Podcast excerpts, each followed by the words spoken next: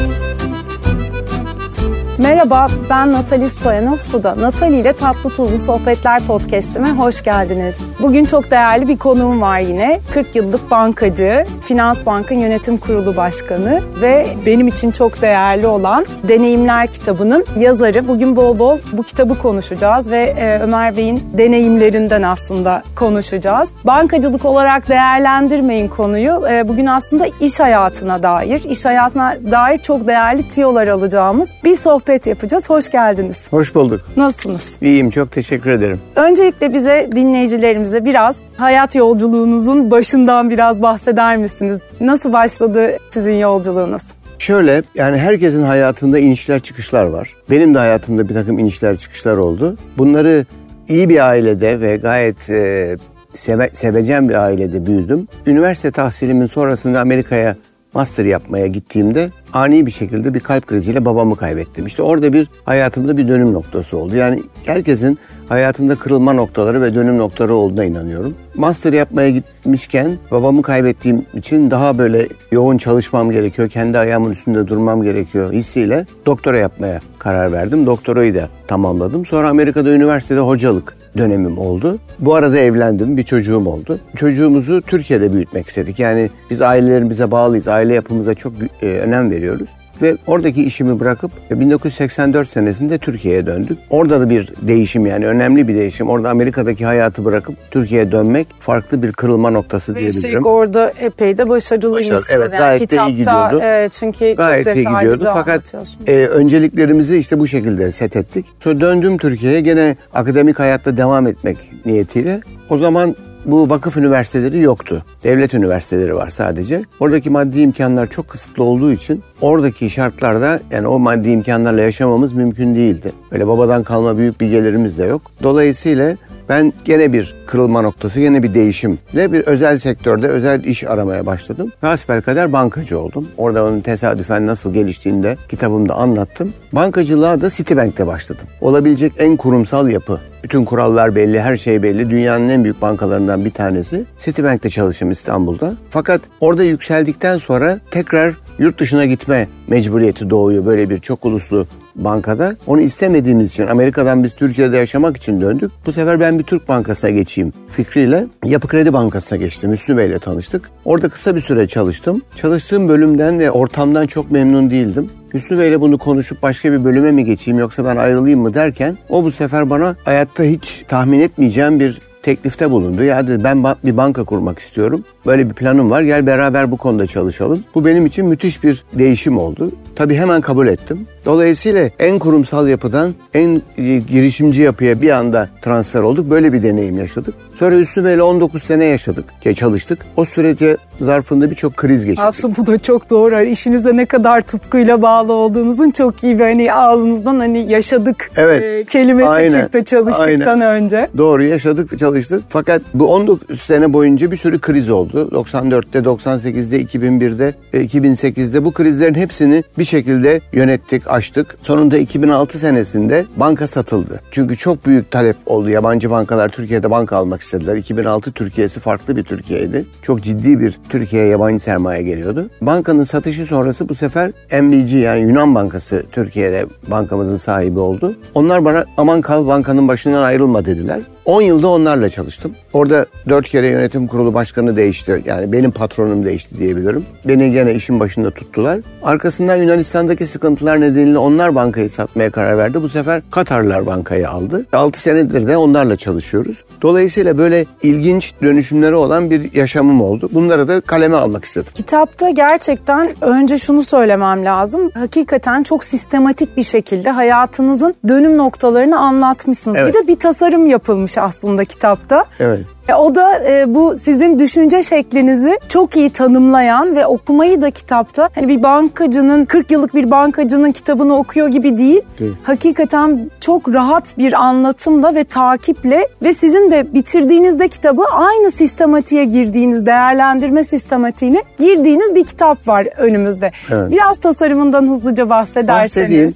Kitabın dikkat ederseniz kapağında benim resmim yok. Evet, ee, çünkü bu kitap benim bir otobiyografi değil. Yani evet. kendi hayatımı anlatmıyorum burada. Tamamen e, deneyimlerimi paylaştım. Paylaşmak da bu çağın bir kavramı. Yani gençler şimdi paylaşma çağında. Her şey resim paylaşılıyor Instagram'dan, Twitter'dan fikrini paylaşıyor. Evini paylaşıyor Airbnb üzerinden. Bu paylaşma kültürü değerli buluyorum bunu. Bu yeni jenerasyonun bir şey. Ben de bu deneyimlerimle çünkü ben belli bir süre sonra emekli olacağım. Ondan sonra yaşlanacağız vesaire. Hayatın sonuna doğru ilerlerken bu deneyimler yok olmasın. Bir yazayım bir yerlere bulunsun. Gençlere belki faydası olur diye düşünün. Bu şekilde faydası var. Bu şekilde alıştı. Peki kitapta e, aslında hayatınızı anlatmıyorsunuz ama anlatıyorsunuz da bir yandan ve hayat tabii hayatınız üzerinden örnekler, e, örnekler veriyorsunuz ve bu kitabı aslında çok daha takip edilebilir Hı. ve inandırıcı da kılıyor. Aile kavramı üzerine demin konuşmanızın başında Hı. da söylediniz. Ailenin aslında ne kadar kilit olduğunu, sonraki iş hayatı içinde tüm karar süreçlerinde ne kadar etkili olduğunu. Bu noktayı biraz bize e, aktarır mısınız? Tabii ki aile son derece önemli. Bir bina düşünelim. O binanın sağlam olması için temelinin sağlam olması lazım. İnsanın da hayatının temeli aslında ailede oluşuyor. Ben böyle görüyorum. Çünkü almış olduğunuz bir takım temel değerler var. İşte dürüstlük gibi, samimiyet gibi, sevgi gibi, saygı gibi. Bütün bu değerleri aileden aldım ben şahsen. Ve bunun çok önemli olduğunu düşünüyorum ve bana çok faydası oldu ilerleyen senelerde. Aile yapısının, mutlu bir ailede büyümenin çok önemli olduğunu vurguladım kitapta da ve şöyle de bir örnek verdim aslında. Şimdi biliyorsunuz genç anne babalar kendi çocuklarını iyi yetiştirmek için şu anda müthiş bir yarış içerisindeler. İşte şu okula girsin, şu yüzme kursuna gitsin, piyano çalsın, şunu yapsın, bunu yapsın. O dersten o derse koşturuyorlar. Nedir amaç? Çocuğu iyi yetiştirmek. Aslında belki de en önemlisi mutlu bir ailede onu yetiştirmek. Yani ailede bir paylaşım ve birlikte yemek yemek, birlikte bir takım şeyleri paylaşmak, belli değerleri oluşturmak bence o teknik eğitimler kadar hatta daha bile önemli olduğunu düşünüyorum. Aile yapısının çok üzerinde durdum bu evet, kitapta. Çok gerçekten çok evet, zaman Ben yani geniş bir ailede büyüdüm. Annem babam dışında e, işte amcam, dayım, halam, teyzem bizim çok geniş bir ailemiz vardı. Dedeler, anneanne, babaanne bunların hepsinin ayrı bende izleri vardır. O bakımdan bunu biraz aktarmaya çalıştım. Evet çok da güzel bir nasihat olmuş gerçekten.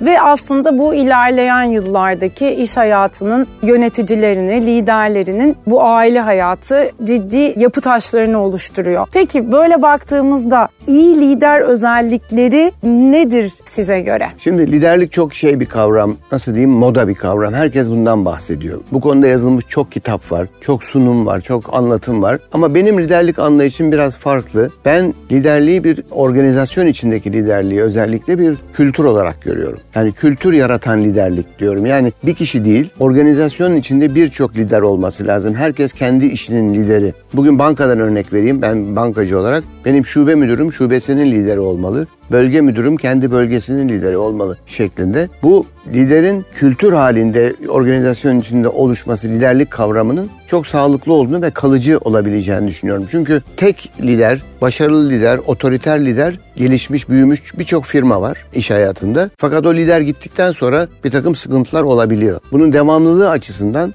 mutlaka bu tip bir yapı önemli. Bir de liderin daima kaç boyutu var benim açısından. Bir mesela insanlara dokunmak çok önemli. Yani değişik kademedeki herkesle bir ilişkiniz olması. Yaratıcılık çok önemli. Burada da sanat diyorum. Mesela birçok iyi lider benim gördüğüm iş hayatında da mutlaka sanata da ilgisi var. Bu resim olabilir, müzik olabilir, başka bir konu olabilir ama yaratıcılığın olduğu konular iyi bir yönetici olabilirsiniz ama her iyi yönetici lider olacak anlamına gelmiyor. Her iyi lider de iyi yönetici de olamayabilir bu arada. Onu da söyleyeyim. İkisi arasında böyle enteresan bir ilişki var. Ama liderliğin bir de önemli bir boyutu da zaman içerisinde bayatlamaması lazım liderin. Kendini yenilemesi ve daima öğrenmesi. Öğrenmenin durmaması gerekiyor. Durduğunuz zaman çok hızlı değişiyor dünya. Dolayısıyla bayatlama riskiniz var. Evet o onunla da ilgili biraz sonra sormak istiyorum. Çünkü hakikaten e, orada da çok değerli tavsiyeleriniz var. İyi bir takımın nasıl kurulacağından bahsetmişsiniz kitapta ve orada benim şahsen çok etkilendiğim kendinden iyisini işe al tavsiyesi var ve bunun aslında bu kadar da kolay olmadığını da dile getiriyorsunuz ama siz bunu büyük bir maharetle e, yapmışsınız. İyi bir uygulayıcısı olmuşsunuz. Evet. Ne dersiniz? Bunu bir örnekle anlatayım çünkü bu tesadüfen oluşmuş bir kavram Ama biz bankayı kurarken sıfırdan bir banka kurduk. Kolay bir şey değil. Bankayı kurarken Hüsnü Bey ile ben başladık. Bir sekreter, üç kişi bir ofiste, bir avukatın ofisinde. Sonra takımı oluşturmaya başladık. Tabii bankaların belki bir lokantaya benzetirsek bir ön tarafı var bir de arka taraf mutfak var. Yani bütün operasyon dediğimiz arkada hesapların açılması, bütün sistemin çalışması, bilgisayar sistemlerinin altyapısının kurulması vesaire. Bütün bu operasyonun yönetimi konusunda ne Hüsnü Bey'in ne benim deneyimimiz yoktu. Biz çünkü daha çok kurumsal bankacılıktan, kredilerden, müşteri ilişkilerinden gelen tipte bankacıydık. Bir operasyonun başına birini almamız lazım. Ben bir arkadaşımı aldım işe Citibank'ten. Leyla'yı benden daha tecrübeli bir bankacıydı. Ve onu ikna etmek için Citibank gibi bir kuruluşu bırakıp bizim gibi bir startup'a gelmesi için bütün bu hayali ona anlatmanın ötesinde tabii maddi açıdan da iyi bir paket teklif ettim. Hatta kendi aldığımdan fazlasını ona verdim. Evet. Ve geldi. Ve o bir prensip haline geldi. Yani bunu bir, bir işi bir işi alım sürecini böyle bir algoritmik düşünürsek daima kendinizden iyileri almaya çalışırsanız sonunda iyi bir takım ortaya çıkıyor. Oysa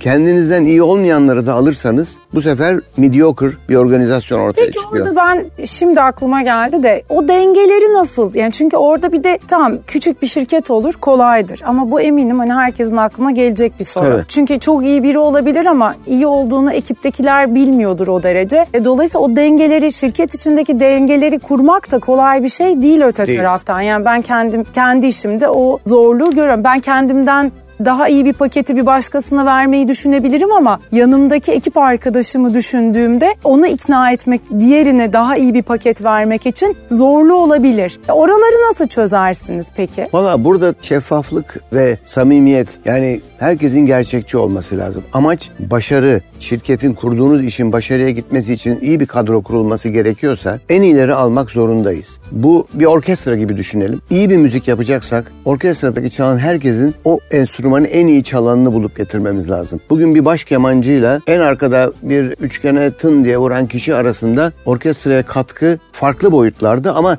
hepsinin bir katkısı var. Yapıyı kurarken de belli dengeleri oluşmak oluşturmak gerekiyor. Tabii ki maddi açıdan farklılıklar olabiliyor ama bunun kabul edilebilir hale gelmesi lazım. Bunun iyi anlatılması gerekiyor. Öyle eş, dost, akrabayı alarak bir orkestra kuramazsınız. Kurarsanız da iyi bir ses çıkmaz sonunda. Dolayısıyla en iyileri almak prensibi bence elimizden geldiği kadar uygulamamız gerekiyor. Tabii bu da onun şu tarafı da var. Bugün kime sorsanız hangi yöneticiye ben en iyileri alıyorum zaten der. Ama bunu gerçekten bu böyle mi anlamak için de ben ona şu örneği veriyorum. Çalıştığınız sektörde sizin elemanlarınıza bir talep var mı? Mesela bizim bankamızdan çok sayıda başka bankalara üst yönetici gitti. Bu demektir ki biz iyi elemanları alıyoruz, iyi yetiştiriyoruz. Bizden daha yaşlı bankalar yani biz işte 30-35 yaşında bir bankayken diyelim. Onlar 60-70 yaşında İş Bankası, Akbank, Yapı Kredi, Garanti Bankası gibi büyük bankalar eleman alma konusunda yani bizden onlara gitmiş çok sayıda eleman olabiliyor. Bizde mesela üst yönetimde hiç kimse yoktur dışarıdan gelen. Herkes kendi içimizden yetişiyor. Böyle de bir kontrol yapılıyor. Yani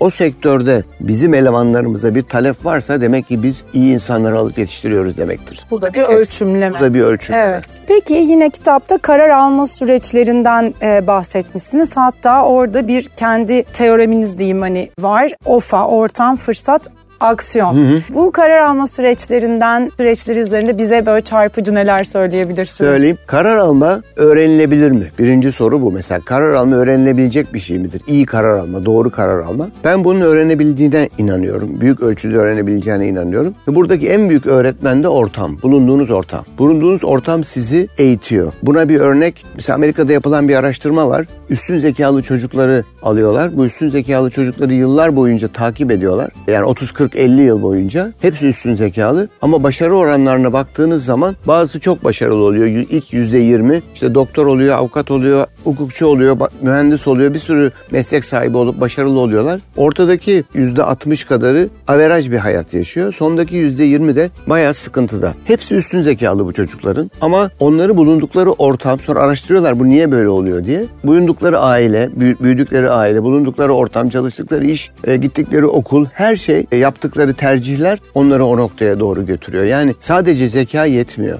iyi karar almak için. Bulunduğunuz ortam çok önemli. Yani bugün çalıştığınız şirket, etrafınızdaki insanlar hepsi bunların bir karar alma eğiticisi aslında sizler için. O bakımdan buna ben gençlere diyorum ki hangi ortam mesela devlette çalışırsanız ömür boyu başka türlü bir karar alma yetkinliği geliştiriyorsunuz. Özel sektörde bir aile şirketinde olursa farklı bir yapı var.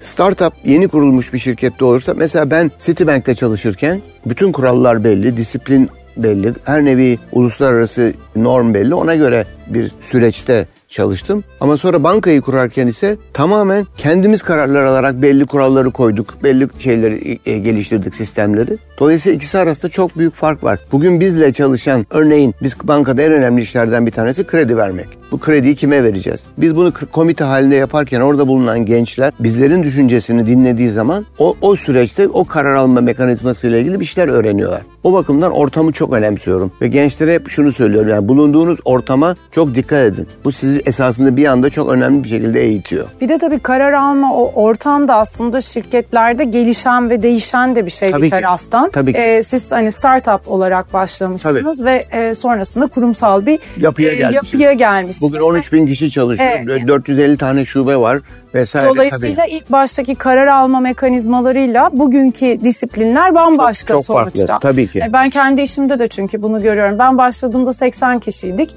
Tabii. Ee, şimdi 600 kişiyiz. Tabii. İki mağazaydık 11 mağazayız. Tabii. Aynen. Dolayısıyla orada işte kuru, profesyonellerin sayısı değişti. Hani buna göre aslında o ortama göre değişiklik yapıyorsunuz karar alma süreçlerinizde. Evet. Peki bir de ortam, fırsat, aksiyon. Ha, ortam, fırsat, aksiyon da bir yerde girişimciliği ve başarıyı tanımlayan bir süreç. Ortamı iyi değerlendirip yani mesela bizim banka kurulduğu e, sene 1987 senesi Türkiye'de liberalleşmenin ön plana çıktığı, regülasyonların değiştiği değiştiği, yabancı bankaların Türkiye'ye gelme arzusu içerisinde olduğu bir dönemde yepyeni bir Türk bankasına bir ihtiyaç olabilir diye düşünerek harekete geçtik. Bu ortamı görmek, fırsatı değerlendirmek ve aksiyona geçmek, özellikle aksiyona geçmek son derece önemli. Harika Birçok da örnekler geçmiyor. vermişsiniz evet. kitapta yani zaten. Basit örnek vereyim işte. Mesela hepimiz diyoruz ki ya şuradan bir arsa alsaydık şimdi zengin olmuştuk. Bak neler oldu burada. Hiçbir şey yoktu 20 sene evvel şurada. İşte inekler otluyordu falan diyoruz.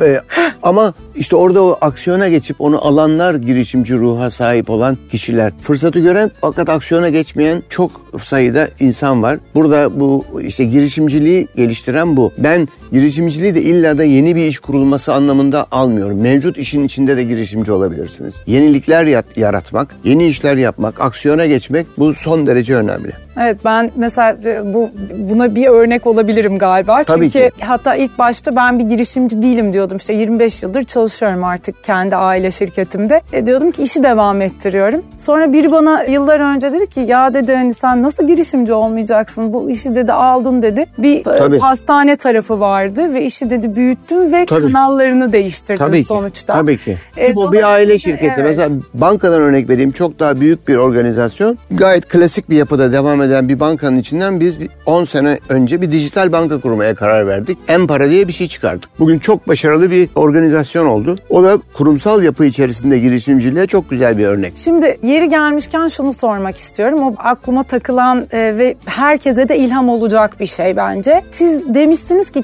kitabınızda biz bankacı değiliz. Hı hı. Yani bankacı, tabii bankacısınız hı. ama aslında her yaptığınız işi çok daha geniş zamanlı değerlendirip yaptığınız işi daha farklı tarif ediyorsunuz ve aslında herkese de e, yani size sorsam mesela ben ne işi ben şimdi hani gıda işindeyim baktığınızda ama ne iş yapıyorum aslında? Çok önemli bu soru. Bu soru son derece önemli. Yani biz ne iş yapıyoruz? Bizim işimiz nedir? Bu bu sorunun cevabını doğru veremeyen birçok şirket çok büyük sıkıntıya düştü. Örnek veriyorum. Mesela Kodak. Hepimizin bildiği büyük bir film şirketi. Kodak kendisini bir film üreticisi olarak konumlamış ve o şekilde görmüş. Hiçbir zaman biz aslında film üretici değiliz. Biz görüntü dağıtan, görüntü yaratan bir şirketiz dese dijitale geçebilecekti. Dijitali o bakımdan ıskaladılar ve yok oldu gitti. Dolayısıyla işimiz nedir diye bakmak. Aynı şekilde örnek var mesela bu konuda demir yolları ile ilgili. Demir yolu içinde çalışanlar kendilerini demir yolcu diye görüyor. Oysa demir yolcu değil onlar. Onlar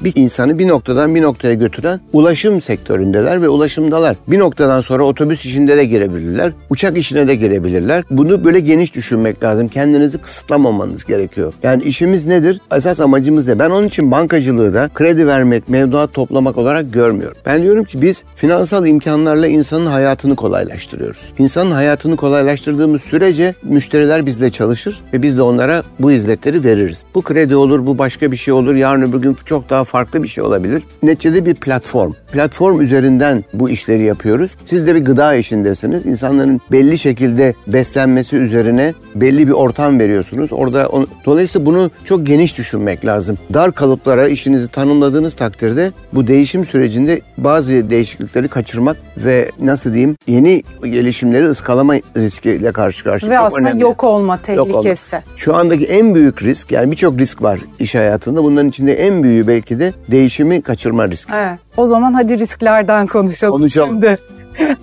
Burada bize kurum kültüründen e, çok önemli olduğunu ve aslında bir şirketin sürekliliğinin kurum kültürüyle Evet. mümkün olabileceğini e, söylüyorsunuz e, kitabınızda. Krizlerin olduğunu, risklerin olduğunu zaten hayatın kendi yaşamınızdan da örnekle dümdüz gitmediğini, inişler Tabii. ve çıkışların olduğunu aslında burada da krizler, riskler ve bunların yönetilmesi ve kurum kültürü de bunun içinde çok tepe ve çok, Çok. değerli bir noktada. Çok doğru. Bu- Bunların etrafında neler söyler? Şimdi şöyle risk yönetimi ve kriz yönetimi aslında birbirlerini besleyen döngüler. Risk yönetimi demek yaptığınız işte belli risklere karşı tedbirler alıyorsunuz. Bunların olmaması için aldığınız bu tedbirler sizi belli bir şekilde koruyor ama risk oluşabiliyor. İlla da şirketten vermeyebiliriz. Mesela deprem de bir risk. Değil mi? Bugün karşımızda bir deprem riski var İstanbul'da. Buna karşı ne yapmamız gerekiyor? Binaları sağlam yapmamız gerekiyor. Sağlam olursa binalarımız biz bu riski yönetebiliriz. Binalar sallanır ve hiçbir şey de olmaz. Ama binalar sağlam değilse onlar çöker ve birçok can kaybına sebep olabilir. Ve o zaman bir, büyük bir krize dönüşüyor. Yani o riski yönetemediğiniz zaman krize dönüşüyor. O krizden bir takım dersler çıkarılıyor. Tekrar yeni sistemler kuruluyor. Nitekim gene deprem örneğine dönersek İzmit depreminden sonra yönetmelikler değişti. Bugün mesela 2000 sonrası yapılan binalarla daha önce yapılan binalar arasında farklılıklar var deprem dayanıklılığı açısından. Dolayısıyla her nevi riskin ölçümlenmesi ve kontrol edilmesi fakat bunun tamamını yapmak da mümkün değil. İster istemez belli krizler oluşuyor. O krizleri de yöneterek yeni kontrol mekanizmalarıyla riski yönetmeye çalışıyoruz. Bu ikisi birbirine geçmiş bir konu ve tabii iş hayatında çok farklı riskler var. Klasik riskler dediğimiz piyasa riskleri var. Yani mesela faizlerle ilgili riskler, işte kurlarla ilgili riskler gibi. Operasyonel riskler var. Bunlar ne bileyim bir su baskını olabilir şirketinizde veya bir hırsızlık olabilir. Yani şey dışında e, iş- işin tipine bağlı olarak. Bir de biraz evvel bahsettiğimiz değişimi yakalayamama riski gibi riskler var. Regülasyon çok önemli bir risk. Mesela bugün Türkiye'de en önemli risklerden bir tanesi. ikide bir regülasyon değişiyor.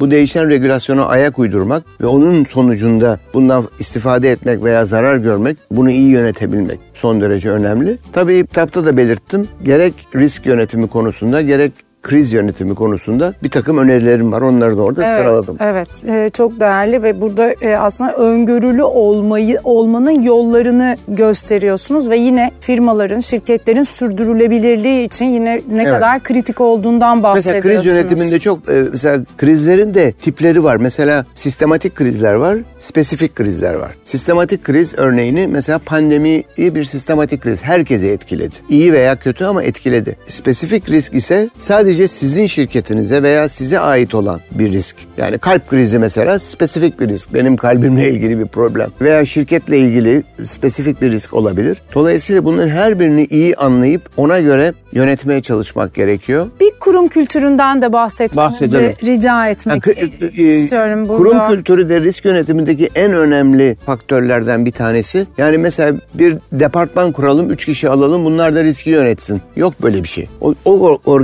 organizasyonda çalışan herkesin aslında bir boyutta risk yöneticisi olması lazım. Bir örnek vereyim. Mesela şu anda önemli risklerden bir tanesi cyber riskler. Değil mi? Cyber ataklar yapılıyor işte özellikle finans sektöründe bankalara hesaplarına girmeye çalışıyorlar dışarıdan vesaire. Bu cyber risklere karşı korunmanın en önemli tedbiri diyelim çalışanların hepsinin bu konuda duyarlı olması lazım. Çünkü alakasız bir maili açtığınız zaman, onu tıkladığınız zaman o belki de sizin sisteminize giren bir cyber attack'ın tetikleyicisi olabiliyor. Dolayısıyla organizasyon içindeki herkesin belirli bir riske karşı korunmada eğitilmiş olması gerekiyor. Yani adeta bir şey gibi bağışıklık sistemi gibi çalışıyor kurum evet. kültürü. Yani Aynen. hastalıklara karşı vücudun direncini. Evet çok iyi korumak lazım. Çok doğru çok evet. güzel bir örnek. Bir de şanstan bahsetmişsiniz ama evet. onu çok yüreklendirici bir şekilde anlatmışsınız. Evet. Şanssızım diye bir şey çok da yok aslında galiba. Yok. Yani şansın iş hayatında özellikle, yani hayatta tabii önemli ama iş hayatında şans faktörünün önemli bir faktör olduğunu düşünüyorum. Ve genelde de üzerinde durulmayan bir faktör. Yani birçok başarılı iş insanı, şirket vesaire bunlar hep kendileri ben yaptım şeyindeler. Oysa bunun büyük bir kısmı şanstan kaynaklanıyor. Şansı çok iyi okumak ve değerlendirmek lazım. Yani onu çıkardıktan sonra ne kalıyor geri? Buna iyi bakmak lazım. Şansın da böyle tamamen rastgele oluştuğuna da inanmıyorum. Yani piyango bileti alalım işte şanslıysak zengin oluruz. Bu şanstan bahsetmiyorum. Kendi yaratabileceğiniz şanstan bahsediyorum. Bunu nasıl yaratacağız? Bir iyi niyetli olarak, pozitif olarak yani hayata pozitif bakmak lazım. Yani bardağın daima dolu tarafına bakmak lazım. Maalesef etrafımızda çok sayıda negatif insan var. Çünkü ortam ve haber dünyası bugün akan bu iletişim genellikle büyük haberlerin büyük bir kısmı olumsuz. Çünkü olumsuz Aslında biraz şey... rating yani rating evet. kaygısıyla bu yapılıyor biraz. Evet, evet. bütün dünyanın ee, problemi bu. Evet. Yani iletişim çağının problemi. Eskiden insanlar bu kadar haberdar değildi her şeyden. Biz şu anda Teksas'ta bir banka soyulsa ve orada birini öldürseler bir dakika sonra telefonunuzda Amerika'nın ucunda bir yerde bir cinayet işlendi diye not gelebiliyor. Dolayısıyla herkes her şeyden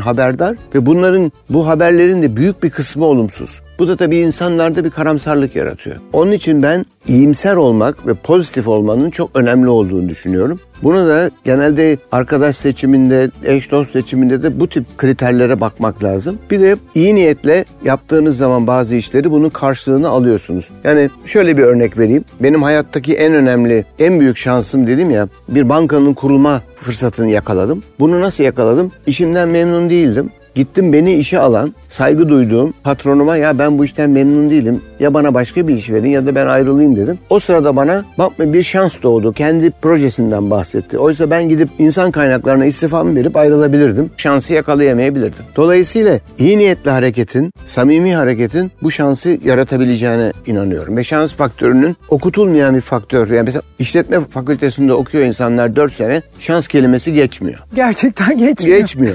geçmiyor. Ee, ama çok önemli. Bunun yaratılması sosyal çevre, ne kadar geniş çevreniz varsa ne kadar insanlarla olumlu il- ilişki içerisindeyseniz kendi şansınızı kendiniz yaratıyorsunuz. Bir de orada şeyden geniş çevreden bahsettiniz ya şey diyorsunuz hani yaş e, skalanız da geniş mesela Tabii. sizin ve bunun önemli. çok önemli olduğunu çok, söylüyorsunuz. Çok. Ee, Bu öğrenmeyle ilgili de bir e, konu. E, onu evet oraya bir e, hemen evet. hızlıca bir geri dönelim. Yani, Hep so- öğrenmek, evet, sürekli, öğrenmek. Sürekli öğrenmek, kendi kendine öğrenmek çok çok önemli kavram. Öğrenmek deyince insanın aklına okul geliyor.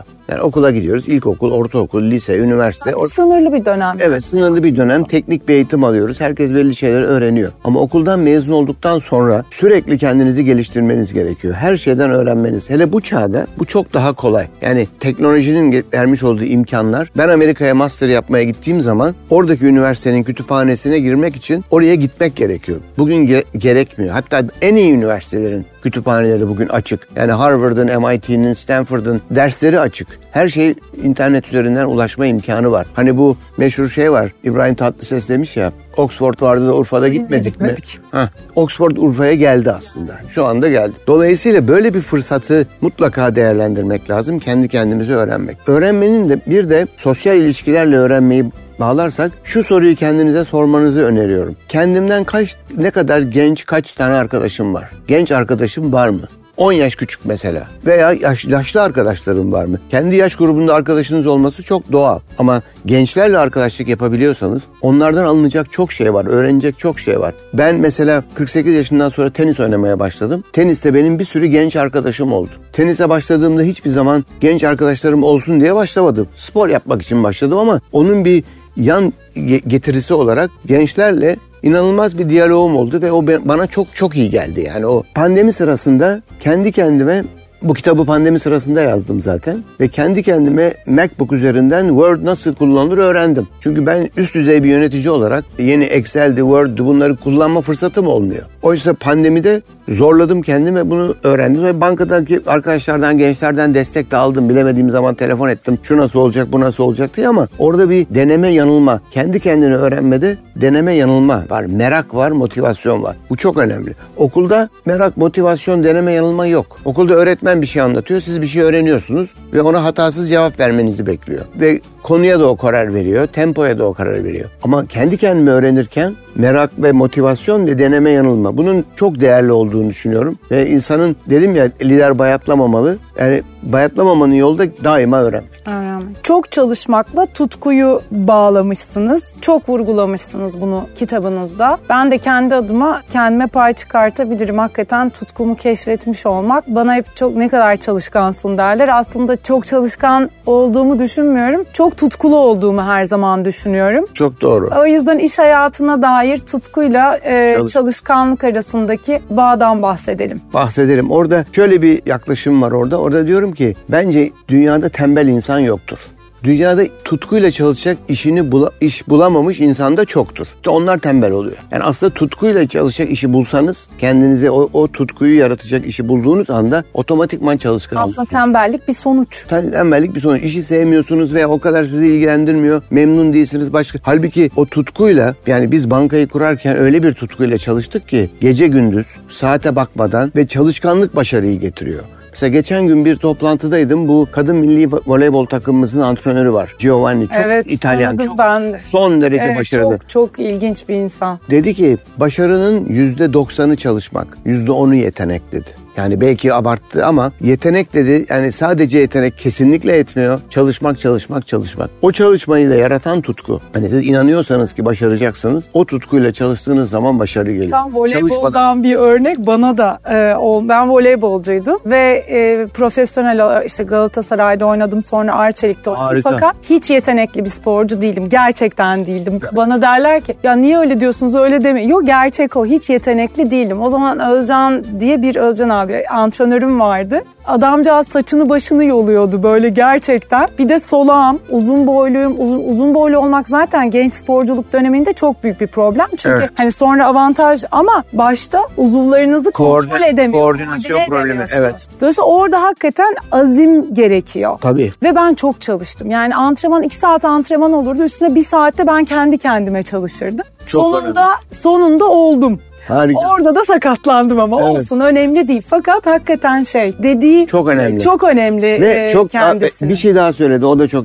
ilgi çekiyor. Benim çok hoşuma gitti. Sevmediği işleri yapmaya devam eden yani zorla disiplinle yapanlar başarılı oluyor. Örnek yani mesela ben tenisten örnek vereyim. Birçok tenisçi tanıyorum yetenekli. Bunlar fitness yapmaktan hiç hoşlanmıyorlar. Yani gitsin jimde koşsun, kaslarını tenis oynamaktan hoşlanıyor. Fitness'e gittim mi gitmeyeyim diyor. Halbuki onu zorlayıp onu yapanlar daha çok başarılı oluyor. Antrenörün de söylediği buydu. Yani zor gelen, sevmediğin işleri yapıyorsan başarılı olmak için aynı zamanda çalışkanlık ve başarı oradan geliyor. Çok çok önemli. Son soru. Hiç istemiyorum son olsun ama o so maalesef süre bir yerde bitmek durumunda. Sağ İş hayatıyla dengeyi biraz özel hayatın dengesini kendi hayatınızda kitapta da bundan bahsettiniz evet. zaten. Ve aslında bütün bu dengenin ne kadar her iki tarafın e, başarısı açısından da ne kadar önemli olduğunu vurgulamışsınız. Evet. Şimdi bu dengeyi ben evet kitabın son bölümünde yazdım. Hatta beşli denge dedim. Beş boyutta ele alıyorum. Birincisi aile. Yani ailemize zaman ayırmamız gerekiyor. Zaten gençliğimizde daha çok ailenin içindeyiz. Yani diyelim ki ilkokula kadar da sadece ailenin içinde büyüyorsunuz. Sonra okula gidiyorsunuz. Biraz sosyal hayat gelişmeye başlıyor. Aile bir. ikinci boyut iş hayatı. Yani iş hayatı tabii okul ve iş hayatı birbirini takip eden süreçler. Üçüncüsü sağlık. Sağlıkla ilgili zaman ayırmamız gerekiyor. Mutlaka dengenin içinde onun da olması lazım. Sosyal yaşam ve topluma katkı. Bu beşli dengenin değişik yaş gruplarında ben şahsi kendi açımdan farklı miktarlarda zaman ayırdığımı gördüm. Yani aileme mesela 30'lu yaşlarda bankayı kurduğumuz dönemde aileme istediğim kadar zaman ayıramadım. İki tane çocuğum var. Onların hele ikincinin doğduğunu çok az zaman ayırdım diyebilirim. Farkında bile olmadı. O kadar çok çalışıyorduk. Sağlığıma 40-45 yaşından sonra daha fazla dikkat etmeye başladım. Gençlik yani insan pek önemsemiyor. Sosyal yaşamı, iş hayatındaki tempoyu biraz daha düşürünce sosyal yaşamı geliştirme imkanı oluyor. 50'li yaşlardan sonra da topluma katkı, sivil toplum örgütlerinde görev alarak ben bu kadar çalıştık, belli şeyleri elde etmiş bir kişi olarak topluma ne geri verebilirim, gençlere nasıl faydalı olabilirim şeklinde değişik kurumlarda görev aldım ve onu yap, hala da devam ediyor. Mesela benim bu kitabımın gelirleri de Darüşşafaka'ya gidiyor. Benim açımdan son derece önemli çünkü benim iki dedem de Darüşşafakalı mesela böyle bir gönül bağım var. Dolayısıyla yani iş hayatı, aile hayatı, sağlık sosyal hayat ve topluma katkı bu beşli dengeyi iyi kurmak lazım. Bunun bir optimumu en iyisi diye bir şey yok. Herkes kendine göre bunu oluşturması lazım. Ama şunu söyleyebilirim. Bunların bir tanesini veya iki tanesi ihmal ederek başarılı ve güzel bir hayat yaşamakta mesela çok başarılı bir iş adamısınız ama sağlığınıza dikkat etmiyorsunuz. Hem diyelim ki aşırı kilolusunuz, günde 3 paket sigara içiyorsunuz. Başarılı iş adamı olmuşsunuz. Benim için bu çok Anlamlı değil. Anlamlı değil. Bu bir başarı değil. Bence bu genel olarak denge içerisinde çok büyük bir hat, e, çarpıklık var demektir. Veya her şeyi çok iyi ailenizi ihmal ediyorsunuz. Hiç aileyle ilişkiniz yok bir aile hayatı kuramamışsınız doğru dürüst. Bence bu da şey. Dolayısıyla bu dengeyi kurabilmek kolay bir şey değil. Bu bir hatta orada bir örnek de veriyorum. Bu bir eğri bir çizgidir diyorum. Yani bu böyle düz çizgilerle anlatılacak bir şey değil bu denge. Hayatta bu eğriliği e, çok inanıyorum. Hiçbir şeyi öyle düz çizgilerle anlatmak kolay değil. Çünkü tabiatta oluşan her şey kendi içinde bir eğrilik gösteriyor. Yani insan vücudu da eğri, yapraklar da eğri, her şey eğri. Böyle düz çizgilerle anlatmak, iki kere iki dört şeklinde yaklaşmak pek doğru doğru gelmiyor bana. Bu dengeyi herkes kendi bulacak. Umarım bulabilirler. Çünkü bulursak e, daha mutlu ve iyi bir hayat olacağına inanıyorum. Çok çok teşekkür ediyoruz. Ben teşekkür ederim. Burada deneyimlerinizi bizimle paylaştınız. Bu kitapla yine paylaştınız. Kalıcı bir hale getirdiniz. Gerçekten sonsuz teşekkürler. Ben çok altını çizerek okudum kitabın. Sağ olun, ee, hatta iki kere okudum. Herkese de öneriyorum. Açıkçası ben bu kitabı yazarken bu daha çok gençlere ve böyle okulda işte üniversite talebeleri falan istifade eder diye düşündüm ama sizin gibi birinin bu kitabı okuyup bu şekilde değerlendirmesi benim açımdan çok büyük bir keyif verdi ve ayrı bir motivasyon var. Teşekkür ediyorum size. Ben teşekkür ederim. Bugünkü sohbetimizin de sonuna geldik. Bir dahaki Natali ile tatlı tuzlu sohbetlerde görüşmek üzere. Hoşçakalın.